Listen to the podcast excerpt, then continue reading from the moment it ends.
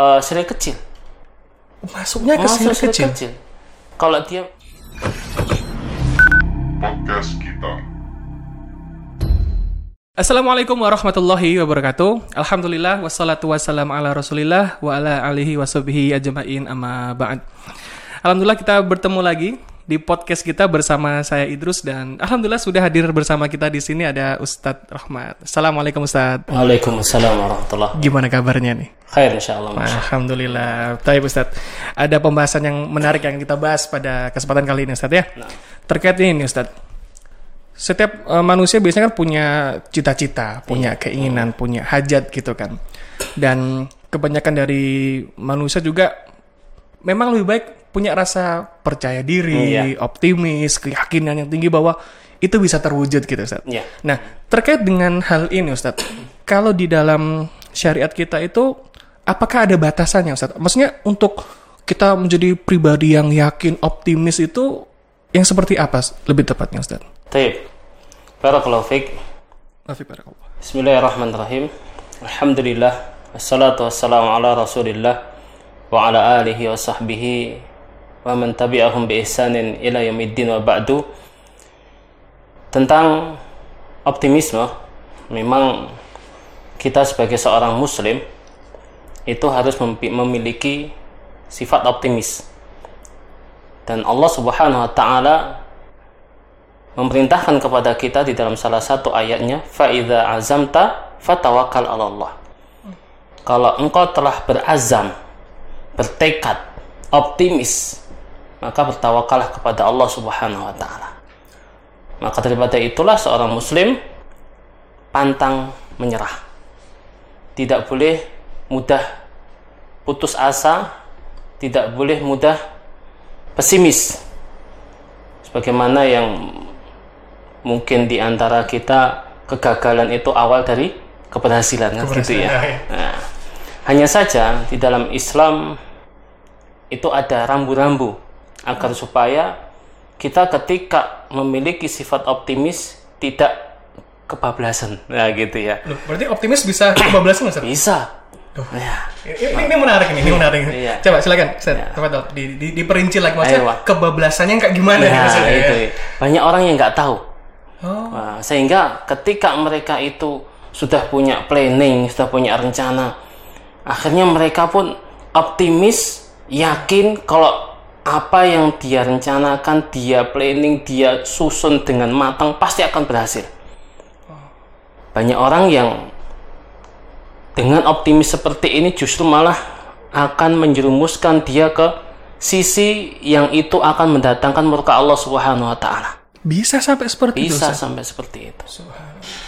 Kapan itu bisa terjadi?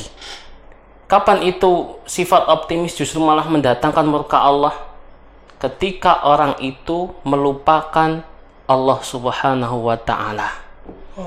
Tidak menyandarkan apa yang ia telah rencanakan kepada zat yang maha menghendaki segala sesuatu itu terjadi.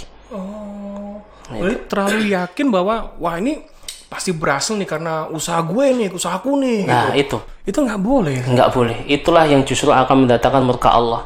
Dia terlalu pede pada dirinya sendiri, lupa kepada Allah yang Allah itu zat yang menentukan, yang menghendaki itu terjadi apa tidak.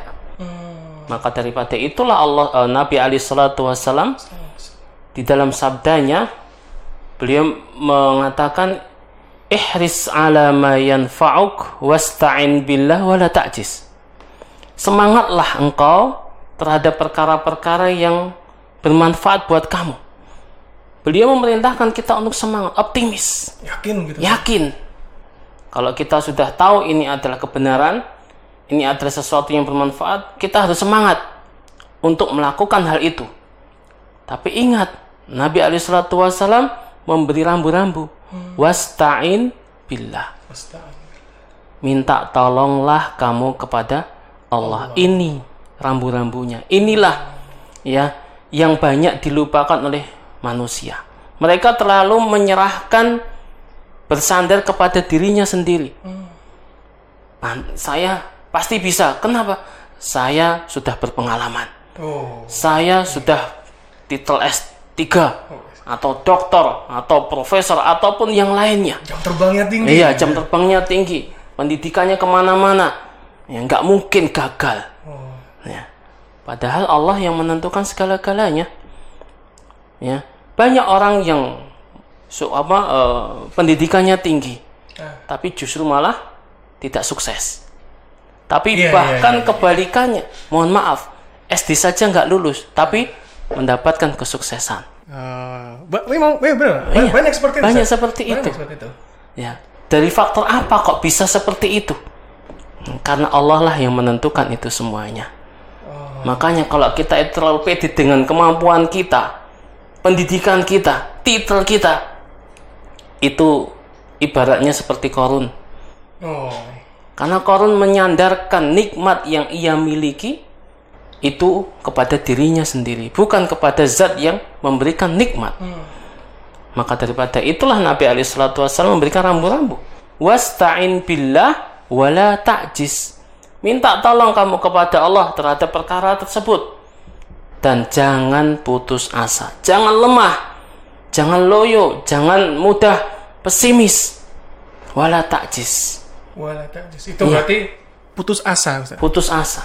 Berarti di dalam Islam itu sebenarnya kita nggak diajarkan untuk atau kita nggak boleh berputus asa. Nggak boleh ya apalagi ketika orang itu se- melakukan sebuah kesalahan sebuah dosa dia putus asa seolah-olah bumi ini sempit baginya seolah-olah rahmat Allah itu tidak memihak dia berarti dia telah menyempitkan sesuatu yang luas Oh.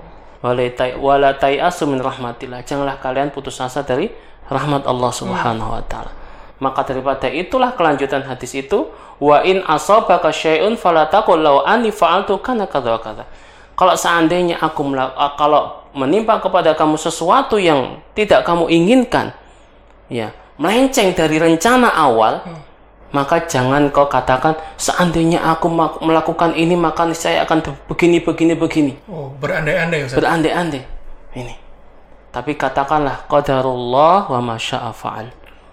Semuanya sudah ditakdirkan Allah dan ketika Allah menghendaki pasti akan terjadi. Oh. sesungguhnya perkataan seandainya seandainya itu membuka pintu-pintu syaitan. Maka daripada itulah ketika kita optimis jangan lupakan Allah Subhanahu wa taala. Wasta'in billah. Minta tolong kepada Allah taala. Minta kemampuan minta kekuatan minta kemudahan untuk melakukan apa yang telah kita rencanakan dan kita mohon Allah bisa mewujudkan apa yang kita inginkan. Nah, ini muncul pertanyaan gini, Ustaz. iya. Biasanya kan ada banyak banyak dari kita itu be- karena bedanya tipis ya antara menyerah dengan pasrah gitu kan. iya Nah, kalau kalau dari batasannya nih, kalau menyerah itu yang seperti apa dan pasrah itu seperti apa? Karena banyak orang yang tergelincir gitu loh di Iya, sini gitu iya, kan. taib. Seolah-olah pasrah padahal dia itu menyerah gitu. Nah, ya kan? Kan banyak juga seperti itu. Iya. Nah, itu gimana? Cara-cara untuk uh, membedakannya gimana? Iya, menyerah itu sebelum dia berusaha. Nah, dia belum berusaha, baru berusaha satu langkah sudah, nah, itu sudah nggak mau lagi berusaha lagi. Itu namanya menyerah. Baru Itu sekali nah, nyoba. baru sekali nyoba, gagal, yes, saya memang nggak bisa. Nah, ini sudah menyerah. Tapi kalau pasrah, dia terus mela- melakukan sesuatu gagal, dicoba lagi, berusaha lagi, ya, sambil terus memasrahkan kepada Allah SWT akan keberhasilan yang akan datang.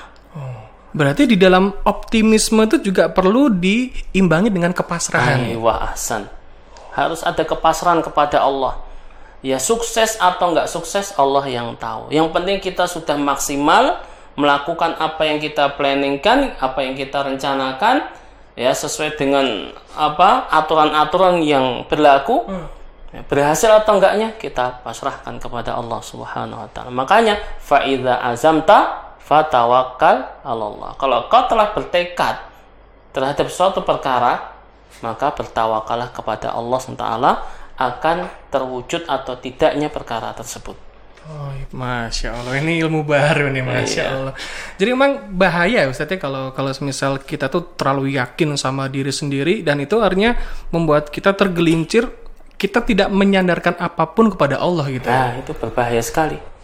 Ya, ada sebuah hadis sebagai motivasi kepada kita Atau bahwasanya siapa yang menyerahkan, menyandarkan urusannya kepada Allah, ya, bertawakal kepada Allah dalam artian pasrah diri kepada Allah, semuanya disandarkan setelah kita berusaha maksimal, setelah kita itu menempuh ya hal-hal yang itu bisa mendukung kesuksesan. Adapun nanti berhasil atau enggak, kita serahkan semuanya kepada Allah. Siapa yang menyerahkan, memasrahkan tawakal kepada Allah terhadap urusannya, Allah akan menyelesaikan urusannya itu. Dalam artian Allah akan memberikan kemudahan untuk terwujudnya apa yang kita inginkan. Oh, dari situ berarti ada uh, Allah akan lebih mau, mau mas- untuk untuk membantu kita, Ustaz, dibandingkan kita terlalu berbangga diri, apa istilahnya ujub ya, Ustaz ya. Ujub. Bahwa ini, ini karena usahaku nih gitu. Terlebih lagi biasanya itu sering kali muncul ketika udah berhasil, Ustaz. Eh, iya. Betul kan? Ini kalau bukan karena aku nggak mungkin nih kayak gini. Itu justru mengundang murkanya Allah seperti itu. Allah karena itu adalah menisbatkan menyandarkan nikmat kepada selain Allah. Dan ini termasuk ya kalau eh, syirik kecil. Masuknya ke Masuk syirik kecil. kecil. Kalau dia ini keberhasilan memang karena diri saya. Karena saya itu sudah pengalaman, karena saya itu punya ya punya apa eh, pendidikan yang mendukung, menopang akan hal ini. Oh. Dia lupa akan Allah, ini termasuk syirik kecil, berbahaya. Subhanallah. Ini- ini- Kalau orang makanya nih pentingnya ilmu seperti ini Ustaz. Jadi memang masya Allah ilmu tuh benar-benar bisa menjaga kita gitu ya. Makanya orang yang punya ilmu itu yang menjaga ilmu. Kalau kita punya harta, kita yang menjaga harta. Itu dari ilmu Ustaz. Iya. Masya Allah. Nah terkait dengan dengan ini Ustaz. Berarti kita dalam melakukan hal apa pun semuanya disandarkan kepada Allah dalam prosesnya maupun hasil akhirnya. Iya. berproses pun kita terus berupaya berikhtiar gitu dan dalam berproses itu hasilnya ya udahlah apa pun hasilnya insya Allah ini yang terbaik buat saya itu apakah keyakinan atau asumsi yang dibenarkan kalau seperti itu Ustaz? Ya memang harus seperti itu. memang seperti itu ya Wa may yatawakkal 'ala Allah fahuwa hasbuh. Siapa yang bertawakal kepada Allah, Allah akan berikan kecukupan baginya. Masya Allah. Ini masya Allah luar biasa sekali. Jar- jarang kita kita mendapatkan hal seperti ini teman-teman sekalian karena memang benar ilmu tuh bisa menjaga kita dan ilmu insya Allah bisa menyelamatkan kita juga saat ini. Ba- Karena sering kali dari hal-hal yang kita anggap remeh ternyata itu dosa besar Ustaz ya. Iya. Termasuk tadi ketika menganggap ini karena usahaku nih, ternyata itu bisa masuk ke syirik. Kalau kita berupaya dan sesuai dengan syariat tadi ya kita benar-benar menyandarkan semuanya kepada Allah gitu, ternyata hasilnya nggak sesuai dengan keinginan kita Ustaz. Nah itu kalau kita menyisipkan optimisnya itu dari mana ya Ustaz? Taib. Jadi orang itu ketika optimis ya dan sudah menyandarkan, memasrahkan semua urusan kepada Allah. Ternyata Allah takdirkan lain.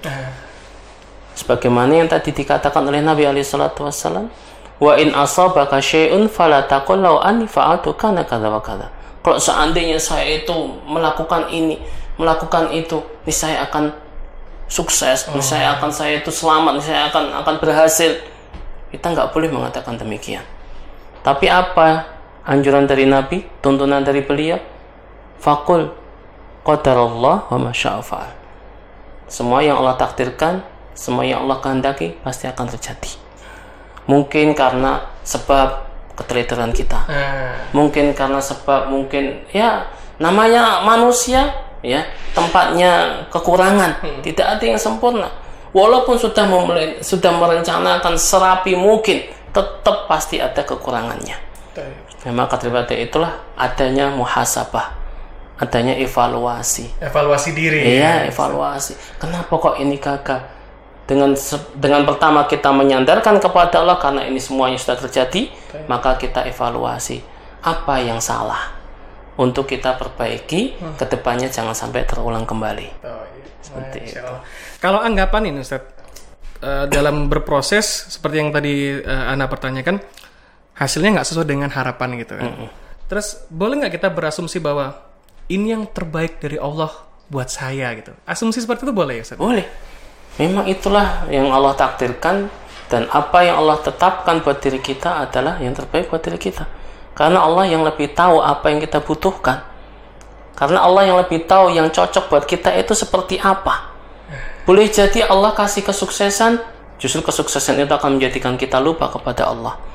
Makanya Allah kasih kegagalan supaya apa? Kita kembali kepada Allah. Tetap ingat sama Allah, Ingat sama sama Allah. Allah. gitu. Allah. Makanya kadang orang itu berhasil ya diberi kekayaan dan gagal ketika diberi kefakiran. Sebagian orang berhasil ketika dikasih kefakiran, gagal ketika dikasih kekayaan. Berhasil di sini bagaimana maksudnya? Ketika dikasih kekayaan, dia selalu infak, sedekah, membantu yang uh, membutuhkan, ingat kepada Allah. Berhasil dia. Tapi ketika Allah kasih kefakiran, justru malah menjerumuskan kepada kekufuran.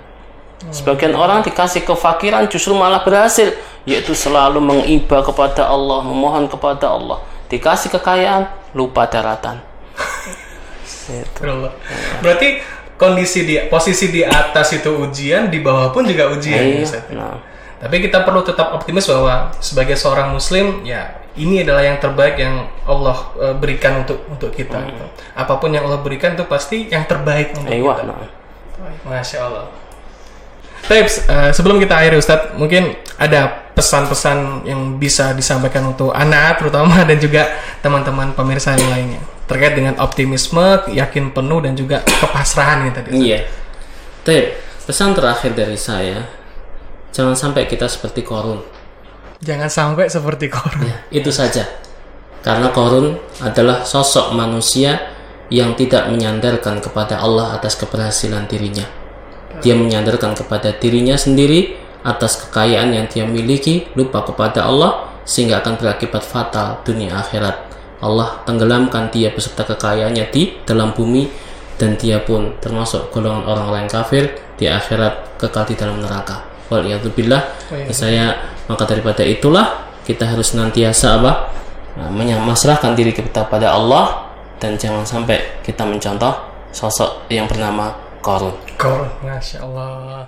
Sebelumnya mengucapkan khair Ustadz atas ilmu yang sudah antum share ke kami. Nah, Dan mudah-mudahan apa yang disampaikan oleh Ustadz Romat bisa menjadi tambahan wawasan untuk kita, tambahan ilmu untuk kita agar kita senantiasa mendekatkan diri sama Allah, agar kita senantiasa ingat dengan Allah, selalu melibatkan Allah dalam hal apa pun yang kita lakukan dalam kehidupan ini. Tapi kira-kira seperti itu Ustadz ya. Taib. Kalau gitu kita akhiri nah, podcast kali ini. nah, iya. Insya Allah kita ketemu lagi bisa Ustadz? Insya Allah. Insya Allah. Taib. Kita akhiri subhanakallahumma wa bihamdika asyhadu an la ilaha illa anta astaghfiruka wa atubu ilaik. Wassalamualaikum warahmatullahi wabarakatuh. podcast kita.